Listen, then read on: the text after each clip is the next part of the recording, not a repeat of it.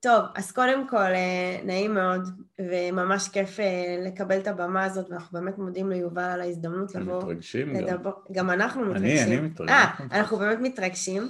אה, את השם פעמונים אנחנו שומעים לא מעט, מלא מעט אנשים שאנחנו נפגשים איתם, ועכשיו לפגוש חבר'ה שבכלל מלווים, שהם הפונקציה של הפעמונים, אז זה בכלל כיף לראות את הפרצופים. אז היום הכנו לכם סשן, קראנו לזה השקעות, הגדלת הון ורווחה כלכלית. אה, הדרכה, הרצאה למדריכי פעמונים, סטודנטים באוניברסיטת בן גוריון שמתנדבים, אז באמת תודה ליובל שארגן את הערב הזה, העשרה בשבילכם, וכמה מילים על הפעילות שלכם. קודם כל, זה שאתם סטודנטים ואתם מתנדבים מהזמן היקר שלכם לעזור לאחרים, הערך הזה שתדעו שאין לו שום מקבילה, אוקיי? בן אדם שנותן מעצמו לטובת אחר, וגם אין פה עלות כספית תמורת זה, באמת אני חייבת להוריד בפניכם את הכובע ולומר לכם כל הכבוד, זה משהו שימלא אתכם ויעשה אתכם אנשים אחרים. אז תמשיכו לעזור, זו המטרה של כולנו, זה משהו שאנחנו עושים ביומיום. מי שעוד לא מכיר אותנו, אנחנו נדבר על חלק מהדברים שאנחנו עושים. אנחנו נשמח גם שאחר כך תשוטטו קצת ברשת ותחפשו אותנו ותראו מה אנחנו עושים בשביל הקהילה. אז בשביל זה רצינו להגיד לכם, לומר לסטודנטים טובה. לגבי ארגון פעמונים, המטרה המדהימה הזאת שקמה על מנת לעזור למשפחות בישראל לנהל את כלכלת הבית באופן נבון ואחראי, באמת שאין לנו מילים לתאר כמה אנחנו מתרגשים מהיוזמה, מאחר ואנחנו יודעים כמה זה חשוב בכל הקונספט של לקיחת אחריות על החיים. ושינוי כזה שאנשים מתחילים לקחת אחריות על התקציב המשפחתי שלהם, זה לשים מטרה בתחום כלכלת הבית, זה מקביל מבחינתנו למגדלור. שיכול לעזור לך לנתב את החיים למקומות שלא בטוח היית מגיע אליהם אם לא היה את הארגון הזה. עכשיו זה משהו שאני ועמית נפגשים בו ביום יום, זה מתחבר מאוד לסיפור שלנו ואיך אנחנו יצאנו לדרך. אמ, זהו, אז תודה שפיניתם את זמנכם, תודה שאתם כאן לשמוע אותנו, תודה שוב פעם ליובל ההזדמנות. ועשינו שקף כזה של תיאום ציפיות, כי תמיד כדאי להתחיל סשן עם תיאום ציפיות שתדעו מה אנחנו הולכים אה, לדבר איתכם. אז אנחנו הולכים לדבר איתכם היום על שינוי ה mindset שאני ועמית עברנו, אוקיי? חיברנו את זה למסרים שארגון פעמונים מעביר לקהל שלו, והוספנו את הרגל המסיימת שלדעתנו חסרה ויכולה לפתוח צוהר חדש לתודעת שפע. הכל מבוסס על הסיפור האישי שלנו ואיך אנחנו הגדרנו לעצמנו את הכמה והלמה, ואיך אחרי שהגדרנו לנו את שני הפרמטרים האלה, כבר לא יכולנו לעצור, אוקיי? אז אה, נעים מאוד, עמית, אגר. זוג נורמטיבי שהחליט אי שם בשנת 2014 להגדיר לעצמו את הנורמות מחדש. ומה זה למעשה הנורמות האלה? זה נורמות שאנחנו החלטנו שהן מתאימות לנו, ולאו דווקא מה שהסביבה מכתיבה שככה צריך להיות. אני ועמית עבדנו המון שנים במערכת הביטחון הישראלית, יחד 37 שנה, עמית עבד 20 שנה, אני עבדתי 17 שנה, ואני חייבת לציין שאני כל חיי, תעסוק, כל חיי התעסוקתיים הבוגרים, אני עבדתי בשירות המדינה, כשאני ועמית מחליטים למסד את הקשר שלנו ואת הזוגיות ולהקים משפחה חדשה, אה, עמית מגיע עם שלוש בנות, יש לנו היום שני בנים, לשאלתך יובל, יש לנו חמישה ילדים שאנחנו מקלקלים, מכלכלים. אה, אנחנו מבינים שאנחנו חייבים לקחת שליטה על החיים שלנו ועל המשאב היקר ביותר בחיים. מישהו יכול לומר לי מה לדעתכם המשאב היקר ביותר בחיים? ואנחנו מבינים זמן. ש... איך? זמן. זמן. כל הכבוד רז. בדיוק. אנחנו מבינים שאנחנו חייבים לקחת אחריות על המשאב היקר בחיים והוא הזמן. מכה בנו המסקנה שאנחנו חייבים לנתק את המשוואה בין פרנסה לעבודה. עכשיו אני יודעת שזה משפט לא פשוט שאני אומרת, כי כולנו הולכים לעבודה בשביל להתפרנס, אבל אנחנו לא הולכים לעבודה בשביל לעשות כסף, אוקיי? עכשיו זה עוד משפט קשה, כי אני אומרת, רגע, מה זאת אומרת? אבל אנחנו הולכים לעבודה ויש לנו משכורת. אבל אנחנו לא יכולים להתעשר מהמשכורת הזאת, כי כל הזמן היא משאירה אותנו באיזה level שמישהו קבע, זה גם מתחבר לכל הנורמות. אני ועמית רוצים לפרוץ את תקרת הזכוכית, ואנחנו מחליטים שאנחנו הולכים לצאת ביג טיים במרוץ העכברים, ובגדול, מה שקורה באותו לילה שאני ועמית אה, מחליטים את ההחלטות, אנחנו מפסיקים למכור את הזמן שלנו תמורת כסף, ואנחנו מתחייבים לעצמנו באותו לילה שאנחנו משחררים את הזמן שלנו על ידי יצירת הכנסות כספיות שאינן תלויות ביגיעת כפיים, ואנחנו מתחילים לבנות את מודל הכנסות הפסיביות שהולך לעבוד לצד החיים שלנו. טוב, אז הגר נתנה פה באמת אה, הקדמה אה, שמסכמת בערך את השבע שנים האחרונות, ויש פה מלא ביטויים ש... ומלא הבנות ותובנות שלנו. אז אני, אני רגע אתמצת כרגע מה אנחנו עושים, כי כפי שהבנתם יצאנו לאיזושהי דרך ב-2014, בינואר 2014, היום אנחנו כבר שבע שנים בפנים. כיום מה שאנחנו עושים אחרי שהוכחנו על עצמנו את הסיפור שלנו ואת המודל שלנו, שבטח גם נדבר עליו פה קצת, או הרבה, אז אנחנו כרגע בסטטוס שהרווחנו את הזמן שלנו בחזרה, הצלחנו להפסיק להיות שכירים, אנחנו מייצרים את רוב או כל ההכנסות שלנו מהכנסות פסיביות מה שנקרא, והיום אנחנו ככה מסייעים ללא עלות לאלפי אנשים, זוגות ויחידים שרוצים לשמוע איך עושים את זה ומה עושים, אנחנו מסייעים ונותנים להם אה, שירות וליווי, אנחנו מתנדבים בשלל עמותות כמו ביוניסטרים ובעוד שורה של עמותות, יש לנו טור שבועי בדה מרקר, אנחנו מרצים במכללה למינהל, יש לנו ערוץ של פודקאסטים, יש לנו ערוץ של יוטיוב, אנחנו מעלים שם המון חומרים, גם ההרצאה הזאת תעלה לשם, וגם זכינו היום לשים על ה...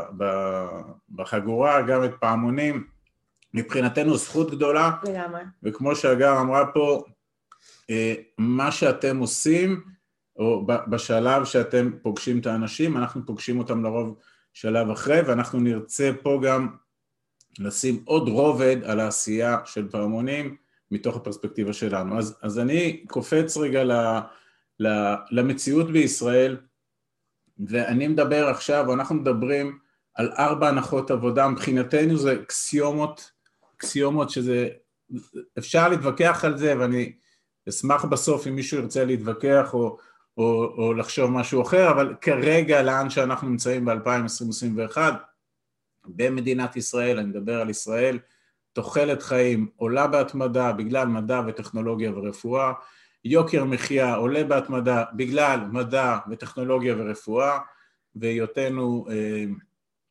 צרכנים ומושפעים, ואתם מכירים את כל תודעת או תרבות השפע, הפנסיה של כולם, ובטח שלכם, תתרחק מאוד ותתכווץ מאוד בגלל עליית תוחלת החיים ובגלל הקושי של קרנות הפנסיה לשלם לאזרחיה, זאת אומרת היום גיל פרישה זה 62 נשים, 67 גברים, אתם היום אני מניח באיפשהו באמצע שנות ה-20 שלכם, אני חותם לכם חד משמעית שאף אחד פה, אם ימשיך בנתיב הזה, לא יפרוש בגיל 62 או גיל 67, הגיל יהיה הרבה יותר גדול. באיזה גיל? אני לא יודע. זאת אומרת שזה יתרחק וזה יתכווץ, למה היא תתכווץ? כי נחיה יותר שנים, אז על אותו סכום שנצבור כל השנים, בפנסיה אני צריך להתחלק, זאת אומרת זה יופרש לי יותר חתיכות, ולנו כ, כפרטים יישאר פחות כל חודש. ועוד סוגיה שהיא מאוד מאוד חשובה, מדינת הרווחה בביטוי שלה כביטוח לאומי תתקשה לתמוך באזרחיה הוותיקים, זה לא המצאה שלי, תיכנסו לנתוני אה, ביטוח לאומי לאמירתם הברורה האחרונה מלפני חודש, ב-2039 הם יתקשו לשלם קצבאות זקנה. בגלל גירעונות ובגלל לא משנה כרגע מה, אבל זה פה, זה מעבר לזה, ויש הרבה מאוד אנשים, בטח באוכלוסיות שלכם, שמצפים לאלפיים שקל האלה שיקבלו מהמדינה, גם הדבר הזה הולך להיעלם. אז כשיש את הארבע, ארבעת ההיגדים האלה, ואני אומר עוד פעם, מי שרוצה אחרי זה לדון ולהתפלפל אם זה נכון או לא נכון, באהבה גדולה, קשה מאוד להתווכח עליהם. כשיש את הארבעה היגדים האלה, זה, זה איזשהו נתון, זה איזשהו זרקור, זה איזשהו מגדלור שאנחנו חיים לאורו. ועכשיו אנחנו אומרים שהפעילות של, של פעמונים ו... ואנחנו לומדים אתכם ולמדנו אתכם ובאמת פעילות סופר מבורכת וראינו את העשייה ב-2019 ו-2020 באמת עבודת קודש. אה, אבל לדעתנו, אוקיי, ואני כמובן אני לא חלילה מותח ביקורת רק אני נותן את הזווית שלנו וזה אם אתם שואלים אותי מסוג ה-added value שאנחנו נותנים פה בערב היעדים שאליהם מכוונת השיטה של פעמונים לא נותנים לדעתנו מענה מיטבי לאותן משפחות המסתייעות בעמותה. ואני, ואני, ואני, ואני אצטט לכם במה שכתוב בחוברת של פעמונים, יש חוברת כזאת, מדריך של פעמונים עם 75 עמודים, משהו כזה, ובסוף בעמוד האחרון כתוב לאחר שתסיימו להחזיר את כל חובותיכם, זכרו להקצות בתקציב סכום נוסף להוצאות בלתי מתוכננות בין חמישה לעשרה אחוז, ואף לתכנונים עתידיים הנמצאים בטווח הקרוב הרחוק, למשל שיפוצים, שמחות, לימודים או החלפת רכב, ואנו מאחלים לכם שתחיו מעתה באיזון מלא, בשמחה ובשקט, ו, אה, ואת הדרך עד כאן עברתם בהצלחה, אנחנו שמחים להעניק לכם את האות, ואתם מוסמכים לכלכלת הבית וניווט הזה. לדעתנו המסר הזה שחותם את החוברת לא נותן מענה לאתגרים הכלכליים של המאה ה-21 שהרגע דיברתי עליהם, לארבע הנחות העבודה. הוא מביא את המשפחות שאתם תעזרו להם ל-level הישרדותי שאנחנו קוראים לו break even. אלף שקל פלוס, אלפיים שקל פלוס בכל חודש, בהחלט אתם כנראה עושים מהלך מאוד מאוד גדול להביא אנשים ממינוסים וכל מיני גירעונות כאלה לברייק איבן ועוד הם ישאירו לעצמם חמישה עשרה אחוז למה שנאמר פה, הילד התחתן, זה סבבה, זה נכון, אבל זה נכון ל-1970, זה לא נכון למאה ה-21. זה... עמית. כן. אנחנו נריב מכות בסוף. לא, חלילה. למה? סתם, סתם. אני רוצה להתייחס לזה, אפשר רק נקודה אחת קטנה? לא, אני רוצה בסוף, אני רוצה את הפלום שלנו, ובסוף ניתן שאלות, בסדר? אין בעיה, סבבה. אנחנו בונים כאן משהו. בסדר? אז האמירה שלנו באמת עבודת קודש, אבל אה, אנחנו חוששים שאיפה שאתם תביאו את המשפחות ותיתנו להם מכאן לרוץ לבד, זה לא ייתן מענה מיטבי למאה ה-21. עכשיו, השינויים המחשבתיים, המחשבתיים, המחשבת... מחשבתיים, מחשבתיים, ושינויי הרגלים המבורכים, באמת, שהמשפחות האלה עוברות, המשפחות של פעמונים, בדרך, מגירעונות כאלה ואחרים, מינוס של עשר או עשרים או שלושים או מאה או מאתיים אלף שקל, לאיזון כלכלי, בעינינו זה סופר סופר חשוב וסופר קריטי, וזאת קרקע פורייה אוקיי? פה, פה האמירה שלנו, זאת קרקע פוריה שאנחנו לדעתנו צריכים להעמיק את השינוי ולהעביר אותה מה, מהמצב ההישרדותי כאילו חילצתם אותה מהבור, אבל שפת הבור היא עדיין מאוד רכה, האדמה שם רכה, בוצית, ובשביל לעלות מהבור לגבעה הפיננסית או להר הפיננסי הם חייבים לעבור לתודעת שפע ועכשיו אנחנו נעמיק ונסביר מה זה תודעת שפע והכל הכל מבוסס על מה שהגר ואני עשינו בשבע שנים האחרונות ולכן מאוד קל לנו לדבר על זה. כן. אז דימה, אנחנו מקווים שאתה לא כועס באמת.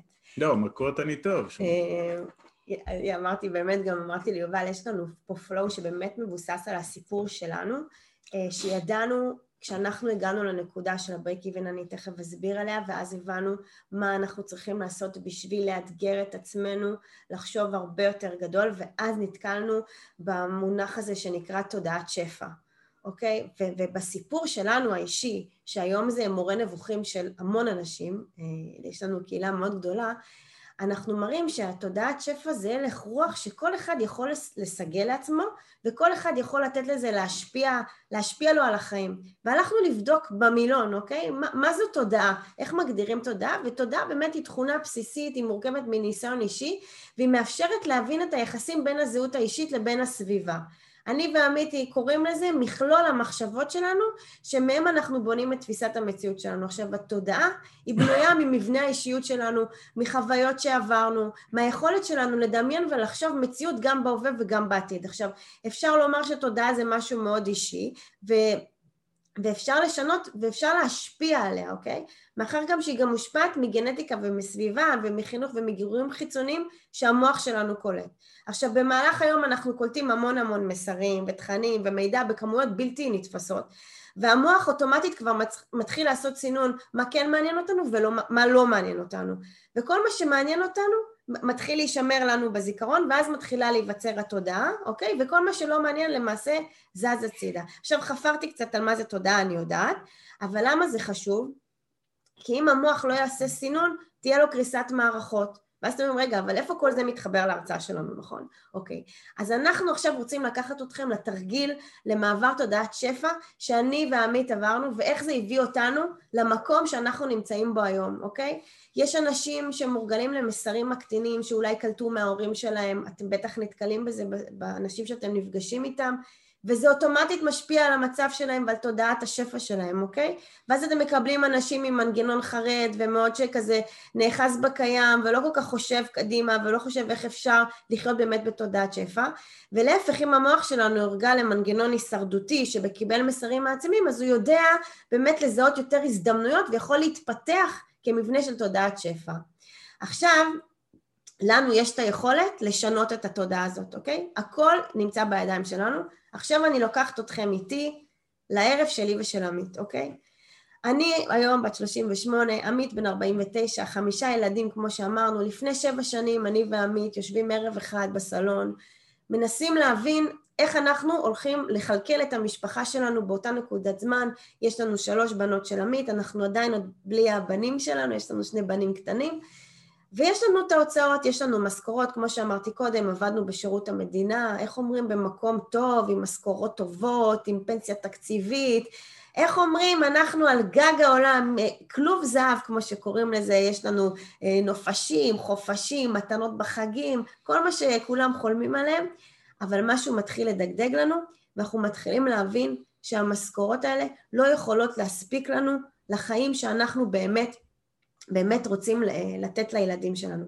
ואנחנו מתחילים להרגיש שאנחנו נכנסים לגירעון משפחתי, שאומנם באותה נקודת זמן הוא באמת היה קטן, אבל ככל שחשבנו יותר קדימה, הבנו שהוא אמור לגדול, והבנו שאם עכשיו אנחנו לא עושים מעשה ושוברים את המשוואה הזאת, של הזמן שווה כסף, אנחנו הולכים להיכנס לבלגן אה, בלגן מאוד גדול. צריך פה רק ברשותך כן. לומר שאני, כמו שהגר אמרה, אני בא עם שלוש בנות מסבב א', אני כבר יודע מה זה להחזיק אה, משפחה, הגר באה בלי ילדים, אז היא, עשיתי לה קיצור תולדות האנושות. מרווקה או, או ללא ילדים, בן לילה עשיתי לה בינץ' ושמתי אותה בפוזיציה שהיא כביכול אה, אימא לשלוש ילדות, לשלוש בנות, ומבחינה תקציבית ומבחינת התנהלות כלכלית אתם מבינים את המשמעות, או שאתם יכולים לדמיין את המשמעות, לפחות עבורה, ואז היא באה באמת בשאלות מאוד מאוד קשות, ואני, אין לי תשובות אינטליגנטיות כי לא, לא הייתי בתודעת שפע ולא ידעתי פיננסים ולא הבנתי כסף ולא כלום, הייתי שכיר. הייתי שכיר ולא בעולמות הכספים, ולכן פה היה איזשהו דיסוננס וזה הביא לפיצוץ. אנחנו, פיצוץ חיובי. נכון, אגב. אנחנו ישבנו וכתבנו אקסל, אוקיי? אקסל עם מספרים. כמו שעושים בפעמונים, אקסלים, האקסלים שלכם הם את, פנטסטיים, את, כאילו, את, הם, הם over, over מתוחכמים. עשינו כאילו. את התכנון הזה, שמנו כמה משכורות יש לנו, שאני תמיד אומרת שהעמודה A של ההכנסות הייתה מאוד קטנה, אבל העמודה B של ההוצאות היא הייתה כל כך ארוכה, והיא כאילו, היא לא נגמרה, ואז אני אומרת לו, תקשיב, כאילו, זה לא עובד, זה לא עובד, כאילו, כמה עוד אנחנו צריכים להרוויח בשביל הרמת חיים שאנחנו רוצים לחיות. ואז, הנה פה התודעה, יש התנגשות כזאת שאומרת, רגע, רגע, רגע, רגע, למה בכלל אני צריכה להגביל את עצמי? למה אני צריכה לשאול את השאלות האלה?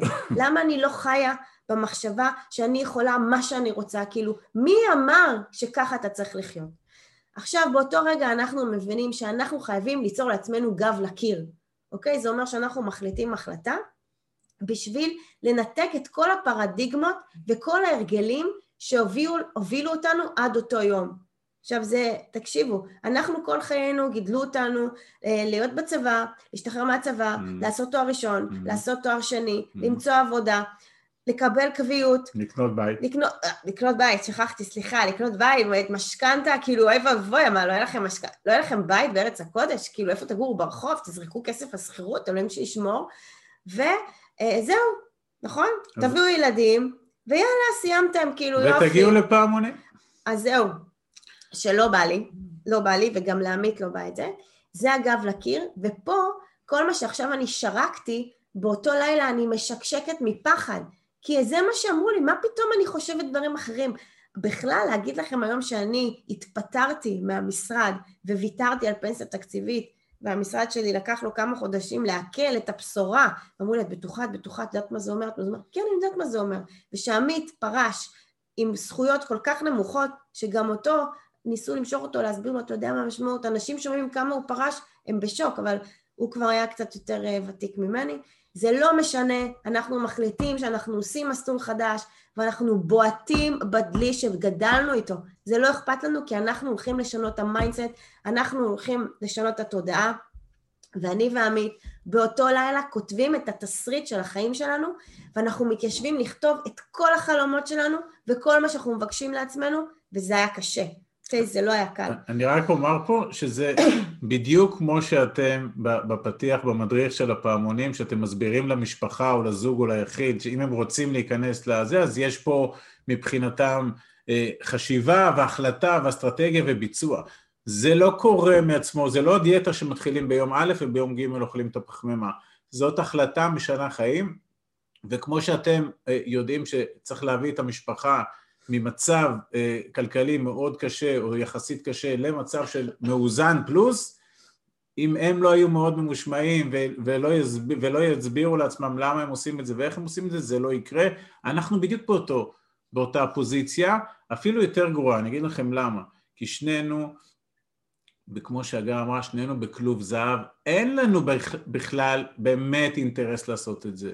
אנחנו מרוויחים מצוין, אנחנו בקומפורט זון, אנחנו בפנסיה תקציבית, אנחנו בקביעות בעבודה, בשביל לפטר אותנו מעבודה, זה או שאנחנו נרצח מישהו, או שאנחנו נרצח מישהו, ואנחנו לא מתכוונים לרצוח, אנחנו יכולים לנמנם שם עד גיל 67, וככל שננמנם יותר המשכורת תעלה, ואנחנו מבינים שעם כל הדבר הזה יש פה כלוב זהב, ואנחנו לא רוצים את הכלוב, אנחנו רוצים את הזהב. בסדר? אבל זה באמת מפץ גדול, וזה מאוד דומה למסרים של, שאתם פונים למשפחות האלה בתחילת דרכם. נכון. ומה שאנחנו יוצרים, אנחנו יוצרים מצפן שיוצרת החלטה ועמידה ביעדים, ומעכשיו אנחנו נכנסים לתהליך זוגי, סליחה, של לימוד ויישום מתמשך ואינסופי, כאילו הלמידה שלי ושל עמית היא לא נעצרה באותו לילה, היא כל היום, היא עד עכשיו זה מה שאנחנו עושים. והמסקנה הראשונה, כמו שאמרתי, אנחנו קונים את הזמן שלנו בחזרה, אוקיי? קמנו בבוקר, אחרי אותו לילה, עם קבוצת וואטסאפ שנקראת מהשראה, אה, יו, אני, אני אתקע לי מהשראה לעשייה, סליחה. קמנו בבוקר עם קבוצת וואטסאפ שפתחנו, שהיא עד היום פעילה, שאנחנו מתחילים לשלוח אליה כל מיני סרטונים, שהיא נקראת יציאה אל החופש, ואנחנו מתחילים ללמוד, ללמוד איך אנחנו מאפשרים לעצמנו לצאת מה, מה mindset שהיינו, מהתודעה, מהתודעה שנכפתה עלינו, ואנחנו רוצים לשנות את החיים שלנו, ואנחנו החלטנו שהתוצאה של המסע הזה, אנחנו החלטנו, היא תהיה מוצלחת וטובה, גם אם ניתקל בכישלונות בדרך, אוקיי? תבינו, אנחנו נכנסים לתהליך, אנחנו לא יודעים שום דבר, אנחנו די חיים בסרט, אבל אנחנו מחליטים שגם אם אנחנו נופלים, אנחנו נצא מזה. זאת אומרת, כל משהו שיעמוד לנו בדרך יהפוך להיות אתגר, ואת האתגר הזה אנחנו נפתור. זה מתבסס גם על הרבה דברים ששאלתי תמיד באותו לילה, אמרתי לו, תשמע, אנחנו מאוד טובים בעבודה, אנחנו מאוד יודעים uh, לפתור דברים, התעסקנו שם עם uh, דברים, אירועים מאוד מאוד משמעותיים שקרו במדינת ישראל. למה אנחנו לא מביאים את אותו עמית והגר לבית? למה אנחנו לא עושים לנו יעדים? למה אנחנו לא עושים לנו תוכנית עבודה? למה אנחנו לא מאתגרים אותנו? למה רק כשאנחנו קמים בבוקר בשביל המעסיק אנחנו כל כך טובים? למה אנחנו לא עושים את זה לעצמנו? בואו נהיה ממש טובים לבית שלנו. ואתם יודעים, זה כל מיני תובנות כאלה שיורדות, שאתה פתאום אומר, רגע, רגע, רגע, אף פעם לא חשבתי להיות כזה לבית, כאילו כי... נכון? כי התודעה הביאה אותנו לאיזשהו מקום, אבל לא נתנו לפחד לשתק אותנו, ולא לא הפחיד אותנו שיהיה לנו כישלונות. אני כבר נותנת לכם ספוילר, יש היום הרצאה שלנו על הכישלון הכי גדול שלנו, היא נמצאת ברשת, אנחנו מעבירים אותה עם חיוך, ואנחנו מספרים שם מ-A to Z בדיוק מה קרה, ואין לנו שום בעיה לשתף את זה. ואז אנחנו אומרים, פחד תמיד יהיה, אבל הכי חשוב כשאתה נתקל בפחד, אתה צריך לדעת לנהל את הפחד ולא שהוא ינהל, ינהל אותך, אוקיי? ואז אנחנו פשוט יכולים להתכונן לתרחישים שיכולים לקרות לנו בדרך. ורק אחרי שאנחנו מצליחים באמת לפרק את הקשיים, ואנחנו מצליחים להבין שאנחנו הולכים להתמודד עם כל הפחדים האלה, הבנו שאנחנו מוכנים לצאת לדרך, ואנחנו הולכים לצאת לדרך ביג טיים, והגענו לבשלות תודעתית מאוד מאוד גבוהה, ובאמת, שהרגשנו שאין שום דבר שיכול לעצור אותנו, ואז אנחנו מתגברים על הפחד והחששות שלנו ונשאלנו על שני דברים. נשאלנו על התודעת השפע והלמה. למה יצאנו לדרך, אוקיי? הלמה שלנו היה כל כך, כל כך ברור, כל כך הבנו כמה אנחנו רוצים לתת לעצמנו, לכל אחד בנפרד ויותר מזה ולבית שלנו, שאין באמת את הדבר הזה שיכול לעצור, וכאן נכנסה תודעת השפע, שזה בסדר לומר שאני רוצה דברים אחרים. זה בסדר לומר שאני לא מסתפקת במשכורות, לא קרה שום דבר. אני לא צריכה להתחשבן על איזה חוג אני שולחת את הבן שלי, אני לא צריכה להתחשבן כמה פעמים אני מזמינה אוכל, אני לא רוצה. בא לי לחיות טוב, ואני אעשה הכל בשביל לגרום לזה לקרות, אני לא אחכה שהכסף ייפול לי על הראש. אני אמצא איך אני מביאה את הכסף לבית הזה. ואת כל זה אנחנו מחברים למודל השקעות שמפזר את הכסף ומנהל סיכונים כל הזמן, אוקיי? ואיך אנחנו עושים את זה? אנחנו מייצרים מודל של הכנסות פסיביות, שמגיע הכסף שישחרר אותנו מעבודה, ולמעשה הכסף מתחיל לעבוד עבורנו. אנחנו נכנסים לתהליך למידה בכל רגע פנוי שיש לנו, אנחנו נוסעים לעבודה, עמית נוסע שלוש שעות כל יום, אני נוסעת שעה וחצי כל יום, בלילות אנחנו מלמדים אחד את השנייה, אנחנו לא מפסיקים לשאול שאלות, איך עושים כסף, תראו לי אנשים עשירים, תנו לי ללמוד מצליחנים, חופרים ברשת, אני קוראת לזה שדדנו את הרשת מידע. ואז אנחנו נבין איך יגיע הכסף שישחרר אותנו מהעבודה הזו שגוזלת לנו את הזמן. כבר שבע שנים שאנחנו הולכים ומשחררים את המודל הזה, שמניב לנו הכנסות פסיביות גדולות והולכות. המודל מבוסס בעיקרו על השקעות חכמות, פסיביות בנדל"ן בחו"ל, ולצד השקעות פסיביות גם במכשירי השקעה מגוונים שיש, אה, שיש לנו בארץ. לקח לנו חמש שנים להגיע ליעד שלנו, אבל אנחנו קנינו את הזמן שלנו בחזרה. סיימנו להיות שכירים של אחרים, והיום אנחנו מנהלים את הזמן של, של עצמנו, וגם הולכים לים מתי שבא לנו.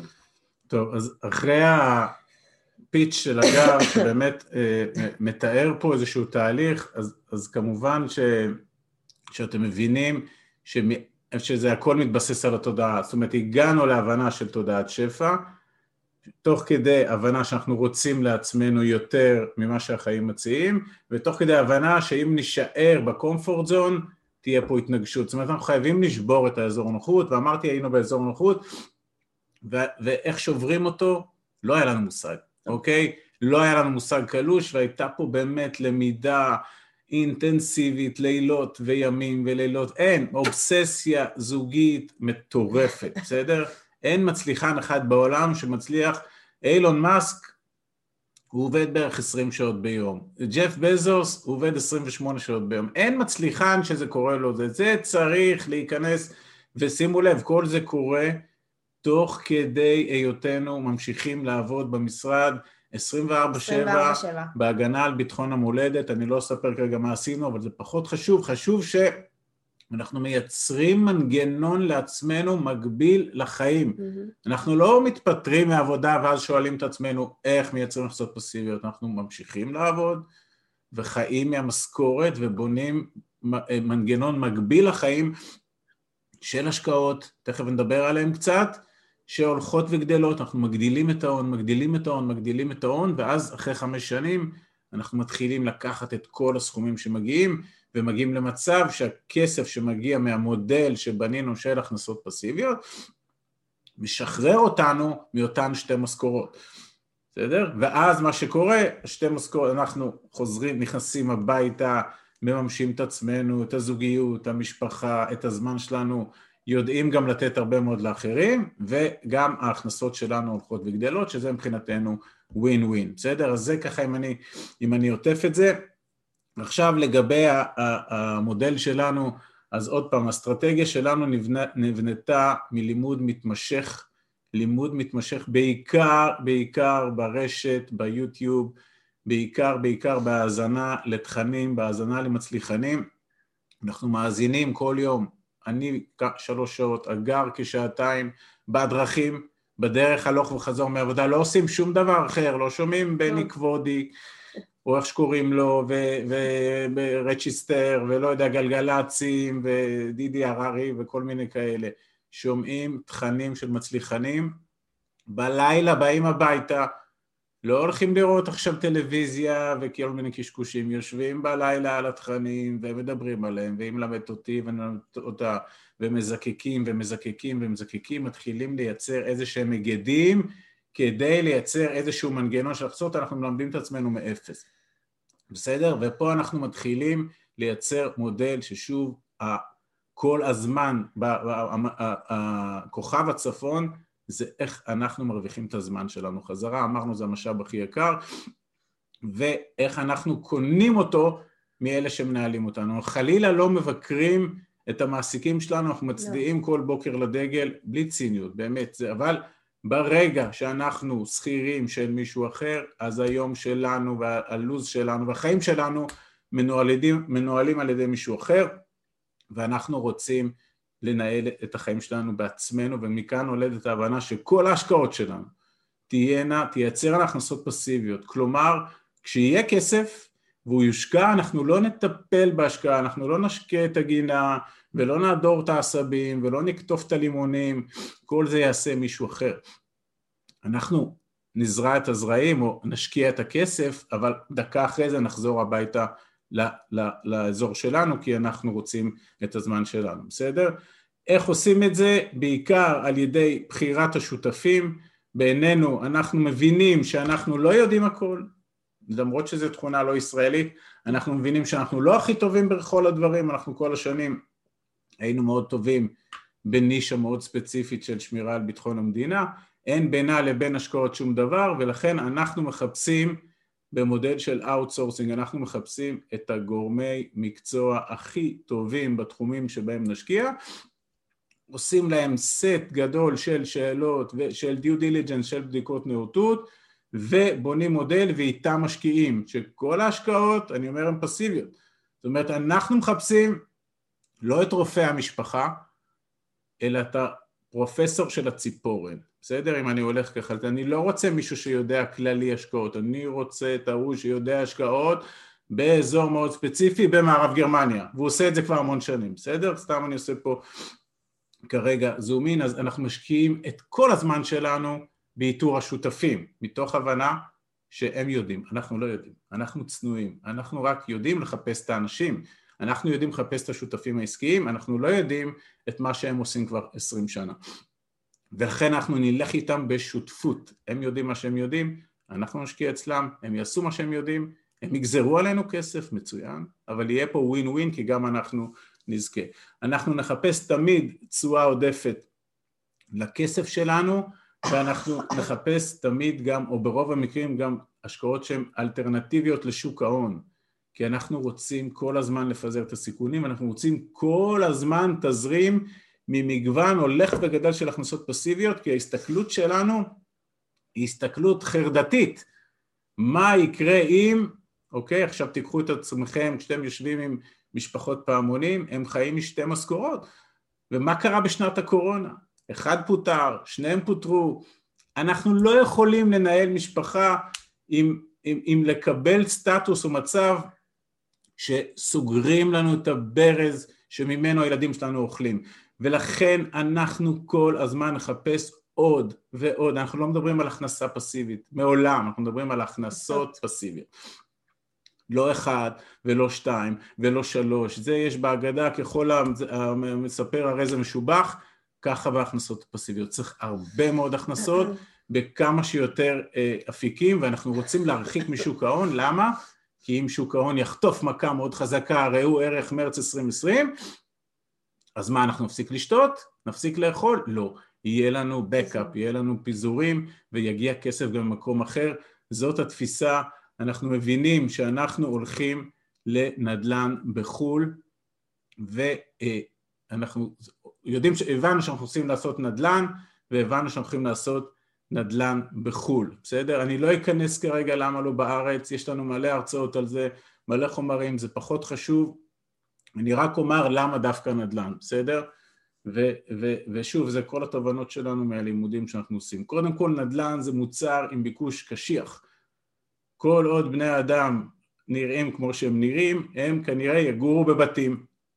ואם יגורו בבתים, אז הם יצרכו את הנדל"ן למגורים, מבחינתנו מוצר עם ביקוש קשיח. זה מוצר שהערך שלו כמגמה עולה ומשתבח עם השנים. זה לא הנעל שקנינו ומתבלה, וזה לא הרכב שקנינו ומתבלה, וזה לא המון המון המון דברים שאנחנו צורכים ומאבדים מערכם. נדל"ן עם השנים הערך שלו עולה וכולם יודעים את זה בטח במדינת ישראל. נדל"ן זה מוצר שניתן לרכוש בכספים שהם לא שלנו. Other people money, אתם מכירים את המונח הזה? OPM, כסף לא שלנו, הלוואה, מינוף, מילים שגם אומרים בפעמונים. כלומר, אנחנו יכולים לבוא עם קצת הון עצמי ולהביא הרבה מינוף ולרכוש הרבה נכסים. זה קורה רק בנישה אחת, רק בנדל"ן. זה לא יקרה במניות, זה לא יקרה בסטארט-אפ ולא יקרה בשום מקום אחר, כי הבנק שלכם לא ילווה לכם כסף לקנות מניות של הבנק שלכם, אבל הוא כן ילווה לכם כסף לקנות נדל"ן. חשבתם על זה פעם? למה? כי הבנק יודע מה שאנחנו יודעים. הרבה יותר טוב. הוא יודע שנדל"ן הוא עם ביקוש קשיח ועם מגמת עלייה ולכן הוא ילווה לנו כסף. נדל"ן זה מוצר שמייצר תזרים שוטף ובסופו של יום להביא לנו את אותו תזרים שאנחנו רוצים ואם בוחרים לעשות הנדל"ן עם שותפים נכונים זה גם מייצר הכנסה פסיבית. יש פה חמש נקודות שמסבירות למה אנחנו עושים נדל"ן ועושים נדל"ן בחו"ל ואני כבר אומר זה רוב הפורטפוליו שלנו הוא נדל"ן בחו"ל תכף תראו שיש לנו עוד דברים אבל רק שתבינו את ה mindset איך אנחנו שני שכירים בשירות הביטחון הולכים ומפתחים ולומדים בעצמנו מודל של הכנסות פסיביות מבוסס לנדל"ן עשרת אלפים קילומטר מהבית שאנחנו לא זזים מטר מהדשא בחצר, כן, בסדר? גם התזרים השוטף דיברת עליו הוא למעשה האופציה לשחרר לנו את הזמן מהצורך לעמוד בפקקים זאת אומרת בסוף הנדל"ן מייצר את התזרים שאיתו כן, אנחנו נכון. יכולים לקנות, אה, לקנות את הזמן שלנו בחזרה עכשיו אה, נדבר קצת אה, ממה הוא מורכב הסיפור הזה, אז יש לנו הגנות, פיזורים ובטוחות, השקעות בנדל"ן בחו"ל, אנחנו, אנחנו, אני ועמית, המודל שלנו זה רק בעולם העשיר, זה ארצות הברית ומערב אירופה, אנחנו תמיד נדאג לפיזור, אוקיי? אנחנו קוראים, יש לנו מודל בחירת שחקני אלפא. בזמן שאנחנו יצאנו לתהליך הלמידה שלנו, הבנו שאנחנו רוצים לצאת לדרך אנחנו מסתמכים על שחקני האלפא, ככה אנחנו מגדירים אותם, ויש להם פרמטרים שהם צריכים לעלות, לענות על מספר שאלות שאנחנו שואלים. אתם יכולים לשמוע את הפודקאסט, אני אשלח את זה אחר כך ליובל, הוא יעביר לכם, או שתראו את זה ביוטיוב. ואנחנו מחפשים בבחירת שחקני אלפא, גם שיש פיזור גיאוגרפי, יש פיזור סקטוריאלי. כלל האצבע שלנו אומר שאנחנו לא נשקיע יותר מ-20% של ההון שלנו אצל שחקן אחד. זה, אני חייב פה להדגיש, שאנחנו רואים כל היום אה, הזדמנויות השקעה מסנוורות יותר, מסנוורות פחות, אז קודם כל המודל שלנו נותן משקפי שמש מאוד עבים לסנוורים האלה. אה, המודל שלנו מהשוק של החברות ישראליות שמשווקות נדל"ן בחו"ל, יש מאות כאלה, אני לא יודע עד כמה אתם יודעים, יש מאות, במודל שלנו על יד אחת אפשר לספור את החברות שאנחנו אה, איתם בתוך הזה, ואנחנו, הפיזור הגיאוגרפי והסקטוריאלי הוא גם כחלק מתפיסה שאנחנו קוראים לה תפיסת המטאור. מה קורה אם עכשיו נופל מטאור על ארצות הברית? אז יש נדל"ן בגרמניה. מה קורה אם נופל המטאור על גרמניה? יש נדל"ן גם באנגליה. מה קורה אם הוא נופל גם פה וגם פה וגם פה? אז יש גם דברים בישראל, בסדר? יש פה כל הזמן, ולכן אנחנו גם לעולם יבוא השחקן עם העסקה הכי טובה, עם התזרים הכי טוב, עם הבטוחות הכי טובות, באמת, אתה רוצה שהוא יהיה האימא והאבא שלך, לא נשקיע שם יותר בין 15 ל-20 אחוז מההון שלנו כחלק מתפיסת הפיזור וניהול הסיכונים, בסדר? זה מאוד חשוב הנתון הזה. עכשיו, לצד הפורטפוליו הנדל"ני, בהמשך למה שעמית אומר, שמכיל בין 70 ל-80 אחוז מההון שלנו, אנחנו משקיעים גם בעולמות שהם לא בקורולציה ישירה לנדל"ן בחו"ל, וכמובן עומדים בתנאי סף שלנו, בבחירת שותפים חזקים, ותיקים, אמינים שלמעשה, בסוף הם מנהלים את הכסף שלנו, את ההשקעות שלנו ואת הקרן, אנחנו רוצים שהקרן תחזור. יש לנו מודל שלם שנקרא מודל אה, של, של, של הפרה, אוקיי? מודל הרפת שלנו, ואפשר לומר, לומר שלצד הרפתות... הרפתות זה הנדל"ן לצורך כן, העניין, כן, והנכסים המניבים זה הפרות המניבות. בסדר, יש, עשינו איזו הגבלה ציורית כדי לעזור לאנשים להבין איך זה, הפרה נותנת כן. חלב ואיך הנכס נותן את התזרים, את השכר דירה. הקהילה שלנו היא מאוד מדברת אה, בפרות, אה, יש לנו בערך מלא הודעות בוואטסאפ שכל אחד שואל מה עם הפרה שלי ככה, הפרה שלי ככה, רכשתי את הפרה שלי היום, אז זה כאילו, זה סלנג כזה שכבר נתפס.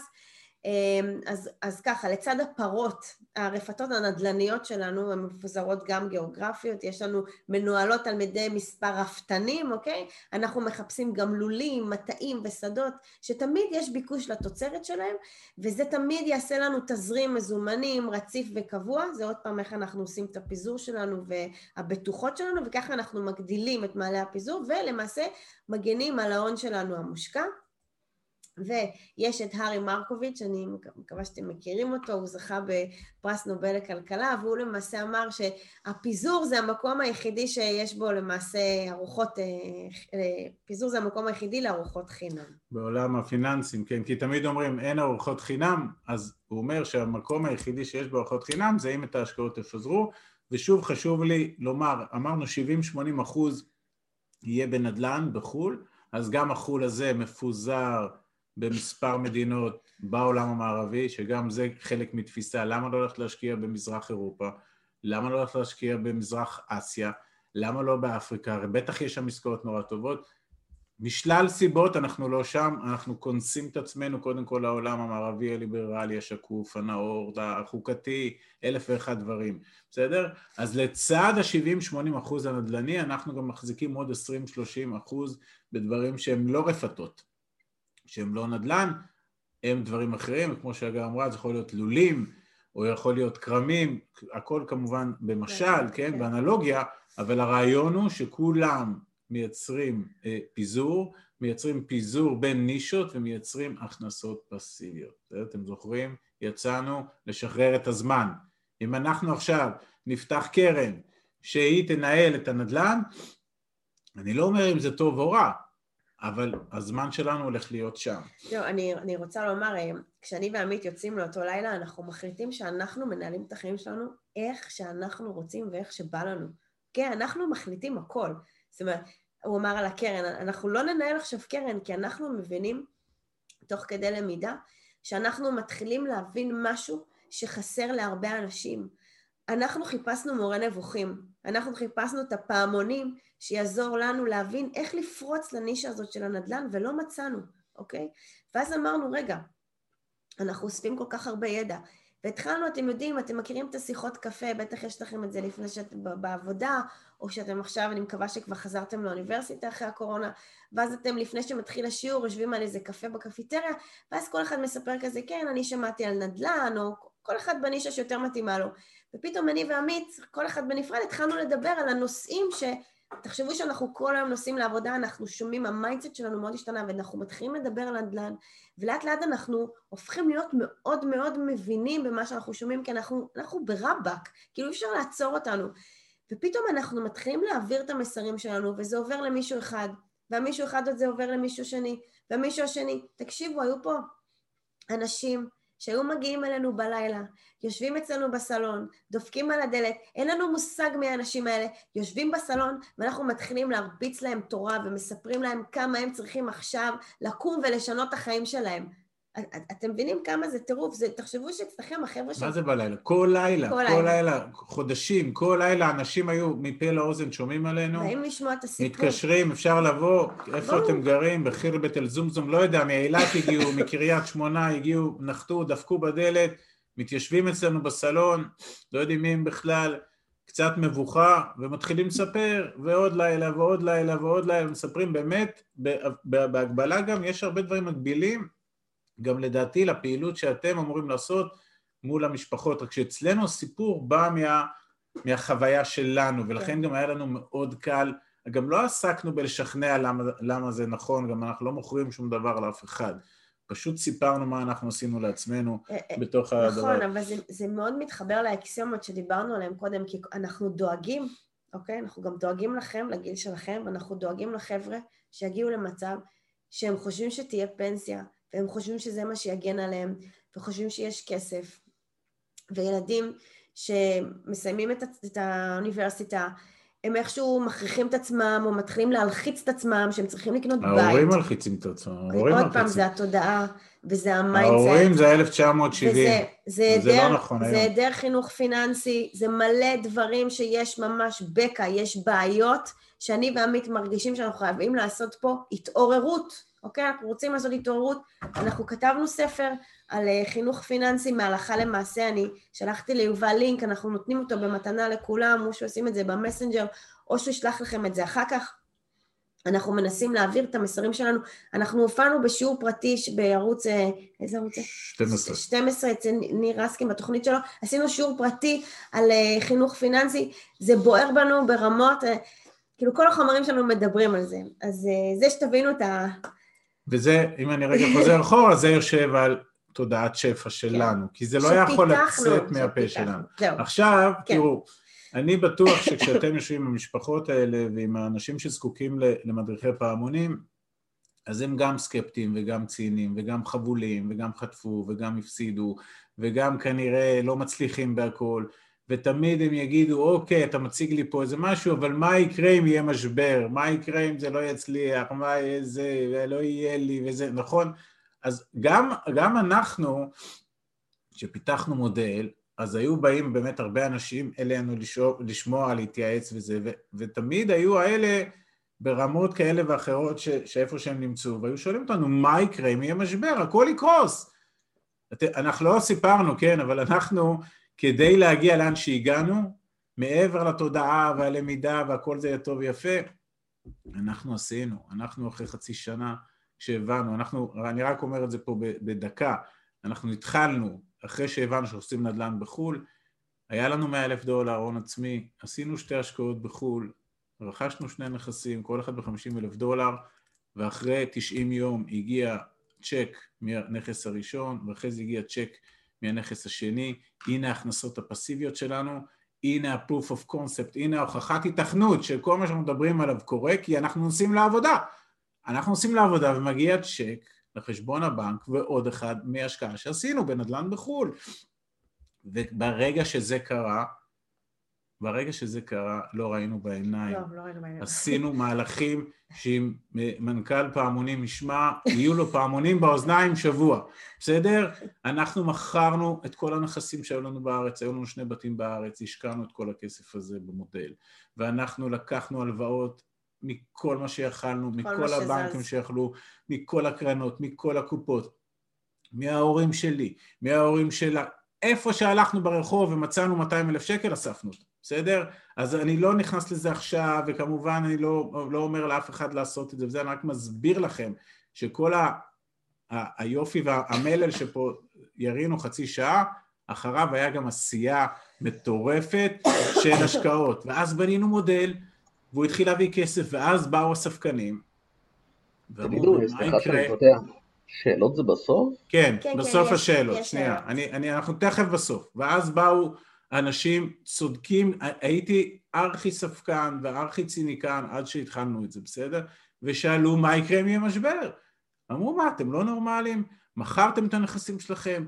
פרשתם, התפטרתם מכלוב הזהב? בניתם איזשהו מודל, עכשיו יהיה משבר והכל יקרוס והכל וזה, ואני בטוח שאתם במסרים שאתם יושבים עם האנשים שאתם יושבים, שואלים אתכם גם את השאלות האלה, ואנחנו ב-2019 כתבנו מאמר, יש לנו הרבה מאוד מאמרים באתר שלנו, אתם יכולים להיכנס לקרוא בשעות הפנאי, כתבנו מאמר, ומה יקרה אם יהיה משבר, זאת הכותרת שלו. והסברנו ברמה תאורטית מה יקרה אם המודל שלנו ייקלע למשבר עולמי בכלכלה, אוקיי? ורצה הגורל, וזה סיני אכל הטלף, והגיע משבר, נכון? הגיע משבר 2020, הגיע משבר, ארכי משבר, משבר חסר תקדים. מסכימים איתי או לא? קורונה משבר או לא משבר? יופי, אז עכשיו אנחנו במרץ 2020, ב-26 במרץ 2020, שזה היה אולי שיא המשבר ב, ב, אה, או שיא אי הוודאות בתוך הקורונה שבאמת אנשים חשבו שאני לא יודע לאן העולם הולך, אנחנו עשינו live עם הקהילה שלנו, עלו לדעתי איזה 200-250 איש, okay. כן. ואמרנו לאנשים בואו ננתח, בואו תראו את המודל שלנו, איך הוא שורד במשבר, כאילו מה יותר מזה, בסדר? כמובן שלא רצינו שתבוא הקורונה והעדפנו בלי, והמסכות עושות לנו לגרד, והילדים בבית, הם מעדיפים את זה לא. אבל הגיע משבר ותקף את המודל שלנו, תקף אותו לא בתיאוריה, תקף אותו. בסדר? ועכשיו אני מראה לכם פה על, על העיגול הזה, בגדול, קודם כל אני אומר, המודל נתן מענה מיטבי לקורונה, פה ושם קיבלנו מכות בכנפיים, אבל המטוס טס וממריא ומתחזק והכל בסדר, ולשמחתנו גם יש מגמות נדל"ניות מטורפות לחיוב שם כשהקורונה עשתה. בסדר? יש דברים, אתם לא בעולמות, אבל הקורונה בהחלט פגעה בנישות נדל"ניות כמו תיירות ו-Airbnb ומשרדים ומרכזים מסחריים, אלה חטפו, אלה חטפו, לא פשוט, אבל אנחנו בתוך המודל שלנו מלכתחילה חיפשנו נדל"ן למגורים, למעמד ביניים, זוכרים שאמרתי ביקוש קשיח, בית מלון זה לא ביקוש קשיח, בית מלון זה מותרות, דיור יוקרה זה נדל"ן אבל זה מותרות. ואנחנו מחפשים את הביקוש הקשיח של הרבה, של מעמד הביניים, אוקיי? אז, אז המשבר הזה בסופו של יום, היום אני אומר לכם, שנה אחרי, אנחנו מרוצים ממנו פלוס פלוס, בסדר? ואנחנו עוד נראה כנראה תוצאות, אבל זה, זה שקף שאנחנו הצגנו בדיוק לפני שנה ומראה למעשה למה המודל עובד, אז קודם כל אני אתחיל מה, מה, מהמעגל החיצוני, קודם כל המודל שלנו אומר אנחנו פועלים להגדיל את ההון העצמי שלנו. ההכנסות פסיביות הן לא קורות מהיום הראשון, אין כמעט זוג או משפחה או יחיד שבאים לדבר אלינו איתנו ויש להם מספיק הון כדי להתחיל לייצר הכנסות פסיביות, אנחנו לא מדברים על אלפיים שקל או חמשת אלפים שקל הכנסות פסיביות, אנחנו מדברים על משכורת שלישית ורביעית וחמישית שתבואנה הביתה כדי לשחרר את שתי המשכורות שלנו. בסדר? בשביל להגיע לדברים האלה צריך להגדיל את ההון העצמי וזה יכול לקחת שנים אז קודם כל המעגל הראשון צריך להגדיל את ההון העצמי ובהחלט יצאנו לדרך ב-2014 כבר ב-2020 כשהמשבר הזה הגיע אנחנו כבר בשלב שרוב ההשקעות שלנו כבר מייצרות תזרים בסדר? אז ההון העצמי שלנו כבר היה בפוזיציה לא רעה חשבון ליום סגריר, זה אנחנו תמיד אומרים לכולם בתוך כל מודל השקעות לא משנה כמה משקיעים ואיפה משקיעים ועם מי משקיעים והכי בטוח בעולם בכל מקרה כל תא משפחתי וזה צריך להיות גם לדעתי בפעמונים, אני לא, לא סגור אם יש, חשבון שנותן מענה ליום סגריר וזה לא יום, זה לפחות חצי שנה עד שנה וגם יש לנו איזושהי משוואה איך, איך מחשבים כמה כסף צריך להיות שם, אומר את זה ממש בגדול, סך ההוצאות של משפחה בחודש, פלוס סך ההתחייבויות, אם יש חובות, אם יש משכנתאות, כל הדברים האלה, מעבר לאוכל והמים והזה, אז הסכום החודשי הזה, נגיד למשפחה הוא עשרים אלף שקל בחודש, אז אנחנו אומרים שבין שישה חודשים לתשעה או שנים עשר חודשים, כלומר בין מאה עשרים למאתיים ארבעים אלף שקל צריכים להיות בחשבון יהודי, סגור, נעול, שוכב במקום בטוח, לא שוק ההון, ובמקום נזיל, לא שוק ההון, אם הוא יכול גם לייצר תשואה, סבבה, אבל אין לי בטוח נזיל ותשואה. לא אבל לא חשוב, אז זה כסף שהוא לא יעבוד, אבל אם אנחנו ניקלע לקוביד 20, אז יהיה לנו שנה ממה לאכול, בסדר? אז זה כמובן חשבון חיסכון. אמרתי פיזור, נישות השקעה, גיאוגרפיה, שחקני אלפא, לא יותר מ-15 אחוז. למה? כי יש לנו גם אה, פרויקטים יזמיים לא מניבים. מה זה יזמי? זה פרויקט בבנייה. עלינו עם הטרקטור, שלוש שנים בונים בניין, מוכרים אותו. אין ספק, אין פרויקט מניב בחצי הכדור המערבי שלא נפגע בקורונה. למה? כי היה סגר, היה עוצר, אז לא רק פה הפועלים לא באים לעבוד כי יש סגר בשטחים, בכל העולם. אז אני אומר חד משמעית, גם אנחנו, פרויקטים שלנו יזמיים, חוו פגיעות. הפגיעה היא התארכות הפרויקט. ולכן אם יש לנו מיליון דולר לצורך העניין, ויש פרויקט יזמי שהוא נראה מיליון דולר, כמו שנועה קיריל אומרת, אנחנו לא נשים מיליון דולר בפרויקט היזמי אנחנו נשים שם 150 אלף דולר, בסדר? ולכן זה חוזר לזה, זה פיזור בנישות, פיזור בגיאוגרפיה ופיזור בצורות העסקאות. אמרתי אלטרנטיבות לשוק ההון, מרץ 2020 השוק התרסק ב-20 אחוז. לשמחת כולם, איפשהו באפריל הוא התחיל לתקן ומאז הוא טס וטס וטס ואיך אומרים, אלי אלי שלא ייגמר לעולם. אנחנו רואים כל יום רבעון אחרון 2020 מטורף, רבעון ראשון 2021 מטורף ולא יודע לאן זה יגיע. אבל אם מרץ 2020 לא היה מתאושש, אז כל מי שיש לו כספים רק בשוק ההון, היה חותך את התיק שלו ב-30 אחוז. בסדר? חותך את התיק ב-30 אחוז, ומי שבין 65 או 6 ורוצה תכף לפרוש וכל הכסף שלו בקרן פנסיה והיא נחתכה ב-30 אחוז, יגיע לגיל פנסיה, חסך כל החיים ואיבד 30 אחוז מההון שלו, בסדר? ולכן אנחנו כתפיסה מחפשים אלטרנטיבות לשוק ההון, ואנחנו, כמו שאמרתי, מגוון ההכנסות פסיבית. עוד אחת, תדמיינו ברזייה בצבא של כל הבנים באים להתגלח, יש שם 15 ברזים, זה מטפטף וזה מטפטף וזה מטפטף, וכולם בסוף מביאים תזרים, לא של מים, של כסף הביתה, בסדר? ואז אם ברז אחד נחתך הצינור, עדיין יש, ואם שני ברזים נופלים ועם שלושה, אבל עדיין בסופו של יום.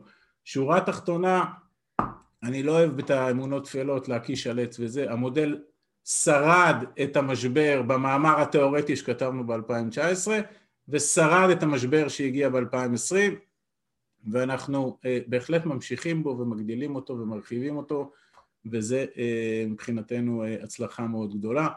אה, וזהו. וסיימנו. אז שנייה לפני שאנחנו עוברים לשאלות, אז uh, באמת תודה. זה אנחנו. אתם מוזמנים לחפש אותנו באמת בכל מקום, uh, ביוטיוב, בלינקדין, בפודקאסטים, באיפה שבא לכם, פייסבוק, תתחברו אלינו, הכל uh, מגניב. ועכשיו אנחנו נעבור לשאלות ותשאלו אותנו מה שבא לכם, איך שבא לכם. קודם ההוא שרצה מכות. קודם נאדי, מקווה שהוא כבר מחייך אלינו. היה מישהו שרצה מכות. אני כן, אעשה stop כן. share, נכון? אה, דימה. דימה, דימה, דימה. אני, שנראה את כולם, חכו רגע. יאללה. אני רוצה לראות. כן, רגע, נעשה ככה gallery, ואת זה נזיז. יאללה. אמ, אז קודם כל, תודה על ההרצאה. איפה אתה? הנה, ראית. אני פה, אני פה. כן. קודם כל, תודה על ההרצאה, אני שומע את הפודקאסט שלכם, כי רק התחלתי, מה שאמרו שאתם מגיעים אלינו. יאללה. תודה, כן. תודה לכם. אז בהתחלה אמרתם את המשפט של פעמונים, ושהוא מתאים לשנים המוקדמות יותר, אמ, אני, ואז, ואז דיברתם בתודעת השפע. עכשיו, אנחנו בפעמונים מגיעים למשפחות שהן אה, יחסית לא במצב... אה, נכון. אה, זה משתנה בין משפחה למשפחה, ויחסית הוא מורכב. אין להם את התודעת שפע הזאת, אז הדברים הבסיסיים שאנחנו מעבירים אליהם, שאתם אומרים שהם ישנים ואני מסכים איתכם, הם, זה, זה מה שבעצם בונה להם את, ה, את הבסיס של התודעה הזאת. נכון. אה, בגלל זה לא הסכמתי מה שאמרתם שזה מאוד ישן, כאילו... לא, לא, לא, לא, לא, רגע, אז פיקששת אותי, שנייה. אמרתי קודם כל אתם עושים עבודת קודש. ואני מצדיע לכם בוקר וערב וצהריים.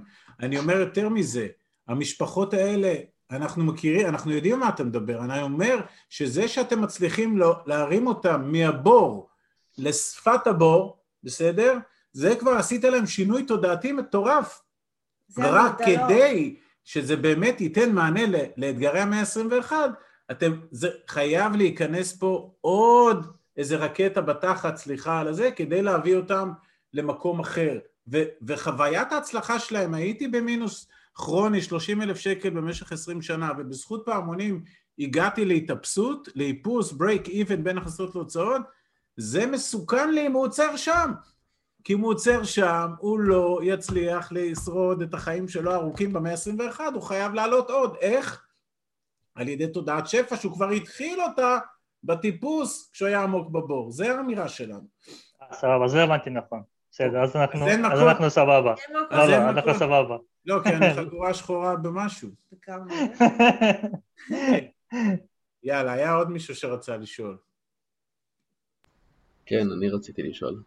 כן, מי זה? אנחנו לא רואים. שנייה נראה מי זה גם. אתם במתח? עם היד. אני רואה שהצ'אט פה פתוח. אתם במתח? אני לא קופץ לכם עדיין? עדיין לא. טוב, לא חשוב, דבר, דבר. כן, כן, גיל, גיל. גיל, גיל יעקב. לא, לא, זה לא. אה. טוב, תדבר, אנחנו נמצא אותך. תמצאו, תמצאו בינתיים, אבל לא, אבל אנחנו צריכים שתקשיבו. הנה, הנה, לירן, לירן. מצאנו את לירן, סבבה. פשוט הם כל כך הרבה. כן, אנחנו איתך. אה, אה, משהו מתוך עניין, כי דיברתם על זה שככה מכרתם את הכל, שיתפתם בארץ ועברתם להשקיע בחו"ל, ודיברתם על מינוף, אחד החסרונות באמת אה, בלהשקיע בחו"ל זה שאי אפשר למנף הרי את הכסף בנדל"ן בחו"ל. למה? אה, אוקיי. לא יודע, צריך אזרחות, אוקיי. צריך זה, צריך פה, צריך שם. אני אמרתי מה היתרונות של הנדל"ן, ביקוש קשיח, זה זה זה, ואמרתי עד הפיפל מאני. מה זה עד הפיפל מאני? זה הלוואה. מה זה הלוואה? זה מינוף. בסדר? זה אחד מהיתרונות הכי גדולים של נדל"ן. אז בתוך המודל שלנו, בנדל"ן בחו"ל, אנחנו יודעים לעשות מינופים לא פחות ממה שעושים בארץ. איך? כי זה דרך אותם שחקנים שאיתם אנחנו משקיעים. הם מביאים את המינוף, כי זה מה שהם עושים. אה, הם מביאים את המינוף, סבבה. אנחנו איתם ביחד על אותה אונייה. שותפים. אז כשהוא ממנף את העסקה, הוא ממנף גם את המאה אלף דולר שלי, בסדר? הבנתי. זה חלק מהתובנות שלנו בתהליך, שאנחנו יוצאים לדרך, אנחנו בדיוק כמוך, אוקיי? אנחנו הדיוטות בתחום, אנחנו לא יודעים, כי אנחנו יודעים שאם אנחנו קונים נדל"ן בחו"ל, אז שמנו עכשיו 50K וקנינו איזה משהו. לאט לאט בתהליך אנחנו פתאום מתחילים להבין את כל המושגים שלא ידענו לפני, ואז אנחנו מבינים שיש מינוף, ואז רגע, אם אנחנו לא יכולים לקחת, אבל אם מישהו יכול לקחת בשבילנו, אז למה אנחנו לא נעשה את זה כבר ביחד? אז איפה החברות שכן מציעות שותפות, ואז הנה מתחיל כאן עוד תהליך, ואז אנחנו ממקסמים את כל נושא הנדל"ן, וכך ממקסמים גם את הכסף שאנחנו משקיעים, ומתחילים לשחק כבר בליגה של גדולים, שעדיין אנחנו טירונים בתחום. לא רק שזה מינוף, אה, ולא פחות מבארץ, זה כמו שאגר אמרה, אני, אני תמיד מסביר שבסוף בעולמות של הנדל"ן יש בערך שלושה מפלסים, בסדר? אם אני עושה את זה גס, בטח בנדל"ן בחו"ל. יש את המפלס של, של האנשים הפשוטים, שזה כל מי שעושה השקעה בנדל"ן וקונה נכס או שניים, דירה, שתיים, שלוש, ארבע, זה סבבה, זה level אחד. אנחנו לא ב-level הזה, יש מעליו level של עסקאות של בין חמישה ל-25 מיליון דולר, יורו, pound. זה עסקאות שרוב האנשים הפשוטים, הרגילים, עם ההון העצמי שלהם, לא יכולים להשתתף בהם, ואנחנו בזכות השחקנים שאיתם אנחנו שתים באוקיינוס ל- ל- ל- לעסקה שלנו, אנחנו ב-level הזה של העסקאות, ומפה גם כמובן שאם זה 25 מיליון דולר, אז ההון העצמי יהיה בערך רבע מזה או שליש מזה, כי כל השאר יהיה מינוף, בסדר? אז כמובן שצריך פה גוף פיננסי מאוד מאוד גדול שילווה את זה. אז זה ה-level שבו אנחנו מסתובבים, בגדול, העסקאות שלנו, וה-level העליון זה level כבר של הגופים המוסדיים שבאים וקונים, איך אומרים, הממותה שהולכת, פח, שמה, קונה פה אלף יחידות, או קונה פה את כל הרחוב, או פה את כל המרכז, בסדר? זה עסקאות של 100 מיליון, 50 מיליון, 100 מיליון, 200 מיליון דולר, ודברים כאלה. אז שם עוד לא הגענו, אבל פה אני, אני ככה עושה לכם טיפה, אה, טיפה זורק לכם זה, זה, זה, זה לא הלכתי עם החמישים אלף דולר שלי וכבשתי את אמריקה, בסדר? אני עם אוקיי, החמישים כי בדרך כלל רוב המקומות שיצא לי לשמוע באמת אה, מציעים את ה... לא יודע, עשר אחוז על כמה שאתה שם. והם ממנפים ועושים מה שהם רוצים, אבל הם אה, זה, אבל... אה, טוב, אז אתה תשמע עכשיו את המודל שלנו. גם עשרה אחוז על כמה שאתה שם, בסופו של יום חייב להיות פה מינוף, כי, כי, כי מעצמו זה לא יקרה, אבל שוב, זה כבר טקטיקה. בגדול, מינוף שאלת, יש מינוף לא פחות ממה שאנחנו עושים בארץ. כן, שאלות, חברים. כן. אה, טוב, קודם כל קוראים לי איילון, נעים מאוד. רואים אותך. היי. תודה רבה שבאתם, הרצאה מאוד מעניינת דרך אגב. איזה כיף, תודה. והשאלה, קודם כל, זה, זה כאילו שאלות קצת פרטניות, זה הנכסים שאתם קונים, זה נכסים להשכרה, או שאתם מוכרים אותם אחרי זה במחירים יותר uh, יקרים, כאילו? אה, תני. לא, בסדר, אני מבין, אתה כאילו שואל אותנו כזה אם אנחנו עושים פליפים, כן, אתה קצת... זה קצת פרטני, לא. זה מיקרו-טקטיקה, מה שנקרא. לא, הוא שואל, הוא שואל, תראה, אנחנו בגדול אה, אה, עושים עסקאות שממוצע חיים שלהם הוא בין שלוש לחמש כן. שנים, שבהם או שנקבל תזרים ונצפה גם לרווח יזמי באקזיט, שכמובן כל מה שקורה לא מנוהל על ידינו אלא על ידי השותפים שאותם בחרנו, או שזה תהיה עסקה יזמית שלא יהיה ממנה תזרים, אבל יהיה אקזיט שמגלם גם תשואות יותר גבוהות בגלל שלא ראינו תזרים כל השנים. אבל אנחנו לא קונים, חוץ מאצל שחקן אחד, אנחנו לא קונים נכסים כדי להוריש אותם לילדים שלנו. שימו לב, נדל"ן פה זה לא המטרה, נדל"ן זה אמצעי. נדל"ן כן, אבל אני, רק עוד שאלה אחת. כן. בכיף. אמ, השותפים שבעצם אה, שאתם עובדים איתם, הם אלה שדואגים כאילו תכלס לכסף, כי סתם דוגמה, כי במקרים, בהרבה מקרים בארץ, לצערי, ענייני השכרת דירות או דברים כאלה, זה יכול להיות מאוד בעייתי, יש אנשים שלא משלמים ויש אנשים שעושים הרבה בעיות עם הכספים. אז שאלה שלי, כאילו, אם תמיד יש לכם רשת בטוחה מבחינת השותפים שישלמו לכם, שיהיה לכם תמיד תזרים חודשי, או שאתם סומכים על אנשים בחו"ל, כאילו, אנשים שאתם כאילו... טוב, אז, אז, אז אני אנסה את זה, ואני אנסה לחדד. אמ, אנחנו, קודם כל צריך להבין, צריך להבין ש... סליחה. צריך להבין שאין השקעה בלי סיכון, בסדר? מי שמוכר לכם השקעה בתשואה בטוחה, המלצתי החברית, תברחו הכי מהר שאתם יכולים. אין חיה כזאת, תשואה בטוחה, ואני אסביר גם למה.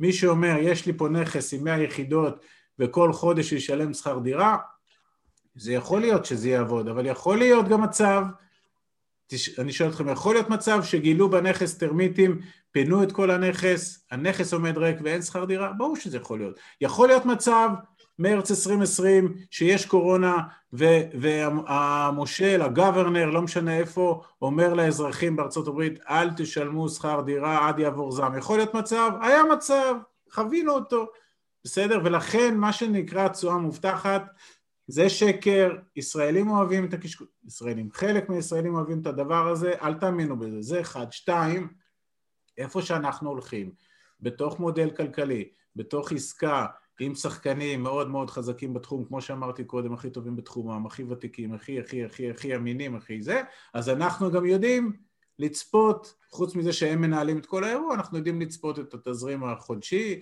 או הרבעוני, או החציוני, או השנתי, בסדר? וכשיש פורטפוליו גדול של השקעות, אז מגיע כמו אותה ברזייה שדיברתי, מגיע מזה, ומגיע מזה, ומגיע מזה, ומגיע מזה, ואם אחת מההשקעות או שתיים נקלעת למצוקה, אז שיש 30 השקעות ושתיים או שלוש, שזה עשרה אחוז זה הרבה, אבל זה רק שלוש, יש עדיין 27 שמביאות תזרים הביתה, אז עדיין יש חמישה ילדים שיש להם מה לאכול, בסדר? זה, זה, על זה המודל. כן, תודה רבה. כן, יש לי שאלה. רגע, אנחנו רוצים בנות, בנות, בנות. מה עכשיו? מה ידרור? אוקיי. מה ידרור? את משלנו? מה ידרור? באפריל. אה? את משלנו? אני משלכם לגמרי. אה, טוב, אז אה, אני רוצה רגע לשאול, להשמיע פה רגע את הקול של באמת נראה לי כזה הקהל, שאנחנו באמת יושבים סטודנטים וחושבים אם להזמין עוד קינוח במסעדה בכלל, ולא ברמה של יש לי 100 אלף דולר נזיל עכשיו לשים להשקעה. מה כאילו המסר אלינו? תתחילו לחסוך ועוד עשר שנים תוכלו להתחיל להשקיע, תשקיעו, מה כאילו... שאלה מצוינת, מצוינת. הבת הבכורה שלי, בת 22, עשתה שנת שירות, השתחררה מצבא הגנה לישראל, ואיך אומרים, רוב הכסף שהיא מרוויחה, רוב הכסף שהיא מרוויחה, היום היא עובדת בשתיים שלוש עבודות, אה, רוב הכסף שהיא מרוויחה הולך להשקעות. בסדר? איך היא עושה את זה, למה היא עושה את זה, אז קודם כל, בספר שאתם תכף תקבלו בעל, כבר, ב... בחינוך פיננסי, יש פרק שנקרא הילדה השתחררה מהצבא, איך עושים אותה מיליונרית בגיל תוך 12 שנה, עם דוגמה, עם מספרים, עם הכל, אני מראה באותות ובמופתים איך ילדה שמרוויחה ככה וככה ויודעת לא רק לחסוך, לחסוך זה לא טוב, לחסוך זה לא טוב בריביות אפס, חייבים להשקיע, אז איך היא משקיעה איפה שהיא משקיעה ועושה את זה לאורך 12 שנים ואיך היא מייצרת לעצמה הון עצמי של 1.6 מיליון שקל, מראים את זה באותות ובמופתים ואתם מוזמנים לקרוא, השאלה שלך היא מצוינת וזה חוזר בהתחלה קודם כל ל mindset, mm-hmm. בסדר? כי אני מודיע לך שאת יכולה. עכשיו, מפה חסר לך הרבה ידע וניסיון ופרקטיקה, אז הנה אפשר להתחיל כבר מה, מהתכנים האלה, אבל זה בדיוק כן, הדברים גם ש... גם אה, עשינו סשן של אה, קורס אה, במכלל למינהל, עשינו להם שש שעות שממש הסברנו להם הכל, כולל חלק ממה ששמעתם בתמצית, אז זה גם ביוטיוב שלנו, אתם, יש את זה גם מחולק לפרקים, יש גם את כל השש שעות, וגם שם אנחנו נותנים ממש דוגמאות של, את יודעת, איך להתחיל, מה לעשות, איך פתאום השלושת אלפים שקל שאת או חוסכת, או אמרת את על הקינוח במסעדה, פתאום משחק תפקיד, אנחנו קוראים לזה הפרה הראשונה שלי, איך אנחנו משיגים אותה, אוקיי? ואחרי זה זה התחבר ל mindset שאני ועמית דיברנו, ברגע שהשגנו את הפרה הראשונה, אין מצב שאין לנו רפת. אין מצב, מבינה? זה כבר הדיבור. אז עכשיו את, אם את עדיין גרה אצל ההורים, אני לא יודעת אם אתם גרים אצל ההורים או בשכירויות וכולי. עד גיל 200 הם יגיעו. לא יודעת אם בבאר שבע, אני לא יודעת אם כולם גרים אה, אצל ההורים, חלקם אולי שוכרים דירות. אה, שוכרים, שוכרים בבאר שבע גם, כן. אוקיי, אבל אני כן ממליצה לכם, חברים, יש לנו הרצאה מאוד ארוכה שמספרת את הסיפור שלנו, שבו עם ההורים שלכם, תשמעו אותה, תראו, תשאלו אותם, אני שאלתי את החבר'ה ב... של הסטודנטים למכללה למינהל, אמרתי, תגידו, כמה מכם יודעים אם הבית שאתם, שההורים של, הבית של ההורים שלכם, האם הוא שלהם, או האם הם גרים בשכירות? כמה, כמה גרו בשכירות? כמה פה ההורים שלהם גרים בשכירות? באר שבע במכללה למינהל זה לא אותו קהל בטוח. לא, לא, לא, לא, לא, ההורים. שלכם, ההורים שלכם, לא יש פה. 50 ומשהו איש, כמה ההורים... כמה משפחות, גרים ההורים גרים בשכירות? בשכירות? אה, אתם... אף אחד. הלוואי. מה? אה, אולי כתוב... אה, אף אחד לא ענה? וואו, אתם מבינים מה קורה? טוב, הם לא מבינים מה קורה, אבל בסדר. טוב, תקשיבו, אתם חייבים לשמוע את ההרצאה שעשינו, כי אנחנו מדברים שם על כל הפרק של הבית בבעלות, אוקיי? והמרוץ המטורף הזה שיש פה במדינת ישראל סביב הרכישת בית, והלחץ הזה שאתם שלב, אתם שלב אחד אתם לפניו. דקה לפני אתם דקה לפני זה. המרוץ עכברים, דקה. ממש דקה. דקה. כבר אם מי שמרגיש מאחורה ככה זה בזנב, כי הוא מתחיל להיות עכבר, עכשיו בסדר? רגע, רגע, תקשיבו, אין פה ביקורת, חלילה, אוקיי? ממש לא. זה לא ממקום מתנשא, אנחנו היינו שם, אני רדפתי אחרי הבתים האלה, אבל אני גם איכשהו, פתאום זה היכה בי שגם הבתים האלה יכולים לעבוד עבורי. אני ועמית, שנינו עשינו נדל"ן בארץ עוד לפני שהכרנו. אנחנו כאילו באים לפה, תזכרו, מורה נבוכים, אנחנו כאילו, מבוסס על סיפור אמיתי, רוצים לתת לכם כמה שיותר טיפים. אתם לא צריכים לקחת הכל, אנחנו רק רוצים שתיגעו בסוגיות שדיברנו. גם לשבת עם ההורים ולשאול אותם האם הבית בבעלות וכמה הון עצמי שמתם על הבית, ומתי תסיימו את המשכנתה, כמה שילמתם על המשכנתה, כמה למעשה עלה לכם הבית, וכשהם אומרים לכם מה יהיה השווי שלו ו- ו- ומתי הוא יהיה, ואז תשאלו אותם, אז מתי תממשו אותו? סתם, תשאלו כאלה שאלות. לא, מה עוזר שהבית שווה הרבה? זה מה זה סתם- עוזר בחיים זה שהבית השיח. של ההורים כי שווה הרבה? אצלנו זה השיח עם זה בבית. בסופר? אצלנו ככה מדברים. וכשאנחנו מכרנו את הבית שלנו, והודענו לבנות, כי בזמנו הגדול שלנו היה עוד תינוק, אנחנו עשינו להם ציור שהמחיש להן מה קורה שאנחנו משלמים כסף למשכנתה פלוס הון עצמי, ומה קורה שאנחנו לוקחים הון עצמי וקונים איתו הרבה נכסים, אוקיי? פשוט הראינו להם את זה. אפילו מעט נכסים שיודעים לגדול, אבל ההון העצמי עובד ולא, אבל חבר'ה, זה, זה קצת, אנחנו קצת גולשים, זה בתוך ה, ה, ה, המודל שלנו והאני מאמין שלנו, אה, אז, אז זה באמת זה, אני, אם אני רגע חוזר רגע לפעמונים, בעיניים שלי, בפוזיציה שלכם מול אותם אנשים, בעינינו חשוב שאתם תדעו שתודעת שפע עבורכם ועבורם זה, זה, זה הסולם כדי לטפס לח, ל, לירח, בסדר? תודעת שפע, תעזבי, כשאנחנו יצאנו לדרך, באמת, בין מה שרצינו באותו לילה לבין המציאות, היה בין אילוזיה לאשליה, לקשקוש, לבלבוש, בסדר? לא, באמת, יושב זוג לקראת זה, ובאמת, כאילו היינו על איזה חומר, כתבנו שם דברים, באמת, היום שאנחנו רואים את זה, מה חשבנו לעצמנו? אבל אז התחילה להשתנות התודעה. והתודעה הזאת, אני לא טיפוס סופר רוחני, ואני גם לא זה, אבל באמת, התודעה הזאת שינתה לנו את כל החיים, ובעיניים שלי התודעה זה 80 אחוז. כשיש תודעת שפע, בואו אני אגיד אחרת, לא חסר כסף בעולם. אתם יודעים את זה, לא חסר כסף בעולם, חסר זמן, דיברנו על זה. כסף לא חסר. ב-2020 כל הממשלות וכל הבנקים העולמיים הדפיסו כספים כמו שלא הדפיסו בכל שנות ההיסטוריה, איפה שלא תלכו, בעיקר, אגב, כל הגאות בשווקים היא בגלל שיש כסף ולא יודעים לעשות אותו, אז קונים מניות, לאו דווקא כי, כי, כי מתומחרות נכון, לא משנה, לא חסר כסף בעולם, יש טריליונים על טריליונים, כולל בארץ. בארץ יש מעל טריליון שקל שוכב בעו"ש. גם להורים שלכם כנראה. מעל טריליון שקל. כשהוא שוכב בעו"ש, הוא מת. מת, מוות קליני, הוא מפסיד כל שנה. במקום לעבוד, בסדר? אז לא חסר כסף. הבעיה של האנשים, של רוב האנשים, שהם לא יודעים למשוך את הכסף הזה אליהם. למה הם לא יודעים? כי אין להם תודעת שפע. חד עמית ואגר. יאללה, יאללה, יאללה, אני- די, די. לא, רגע, רגע. די. אנחנו משתדלים לעמוד בזמנים ואמרנו עד עשר, אז יש לי פה שלוש דקות.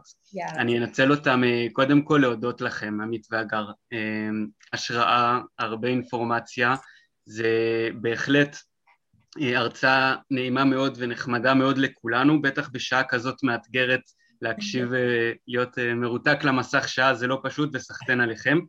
אני אגיד, אני אגיד לכולנו שאין פה עוד שלב בליווי, זאת אומרת, השלב הזה של השקעות, הכנסות פסיביות, תודעת שפע, זה, זה לא שלב שהוא אינטגרלי בליווי של פעמונים, ובכל זאת היה לנו חשוב להביא את עמית והגר לתת את האינפוט הזה שלהם, מתוך הבנה שקודם כל זה יעזור לנו כסטודנטים, כמלווים, וזה לא, לא פחות חשוב. בנוסף זה יעזור כי כשאנחנו נהיה בתודעת שפע אנחנו נשדר את זה למשפחות וזה מחלחל הלאה וזה בהחלט בסיס חזק ואיתן אה, להתחיל להתנהל נכון יותר מבחינה כלכלית ומשם להתחיל לצמוח כל אחד מנקודת הפתיחה שלו ועד השמיים. אז עמית והגר שוב תודה רבה לכם, אוקיי, אה, שכל אחד ייקח מכאן מה שהוא יכול והתקווה שלי שזה בעיקר יתחיל איזשהו שיח, זו לא נקודת הסיום, זו אפילו כמעט ולא נקודת הפתיחה, מכאן אנחנו מתחילים לדבר בקבוצות, בוואטסאפ, כל אחד עם החברים, עם ההורים, הבאנו את הכישורים, זה נמצא כאן בזום, נשלח גם בקבוצות וואטסאפ, יש גם בפייסבוק, עמית והגר זמינים מי שרוצה בצורה נכון. פרסונלית לדבר איתם זה מעולה, אבל בלי קשר לרעיון הנקודתי שלהם ולמודל שלהם שהוא נפלא ומומלץ, שכל אחד ייקח את זה למקום שלו, שהוא יכול לצמוח, שהוא יכול לחשוב בסגנון הזה, בין אם זה תודעה, בין אם זה מעשים, הכנסות פסיביות, השקעות, תחום חשוב, מעניין, מסקרן. זהו, שמחנו, שמחנו שזה קרה וזה קרה בצורה מוצלחת. יובל, איפה היית? סיכום מהמם. לזה התכוונו. כן, היית אומר את זה בהתחלה, חוסך לנו את ההרצאה. כן, לא היינו צריכים פה שעה עכשיו לשבת ולהזין. לא, לא. רק מילה לסיום, רק מילה לסיום. יש לנו קהל, בתוך הקהילה שלנו יש קהל הולך וגדל של אנשים בגילכם בשנות, בין ה-20 ל-30, שנחשפים לחומרים, אין להם אה, מיליון שקל, יש להם 100, 250, יודעים פה, יודעים שם, גם עם 3,000 שקל בחודש, אנחנו יודעים להראות איך אפשר לצאת לדרך. אז מי שרוצה להיעזר בנו, להסתייע, להתייעץ, הכל אנחנו מחלקים, תמיד, זה מה שאנחנו עושים. תשאירו לנו מייל באתר, תיקחו את הטלפון מיובל, מה שבא לכם אנחנו עונים, זה מה שאנחנו עושים, אנחנו נותנים לעצמנו ואנחנו נהנים מזה. תודה רבה. תודה לילה טוב. תודה. תודה. תודה רבה. תודה רבה. תודה לכולם. תודה רבה. Yeah.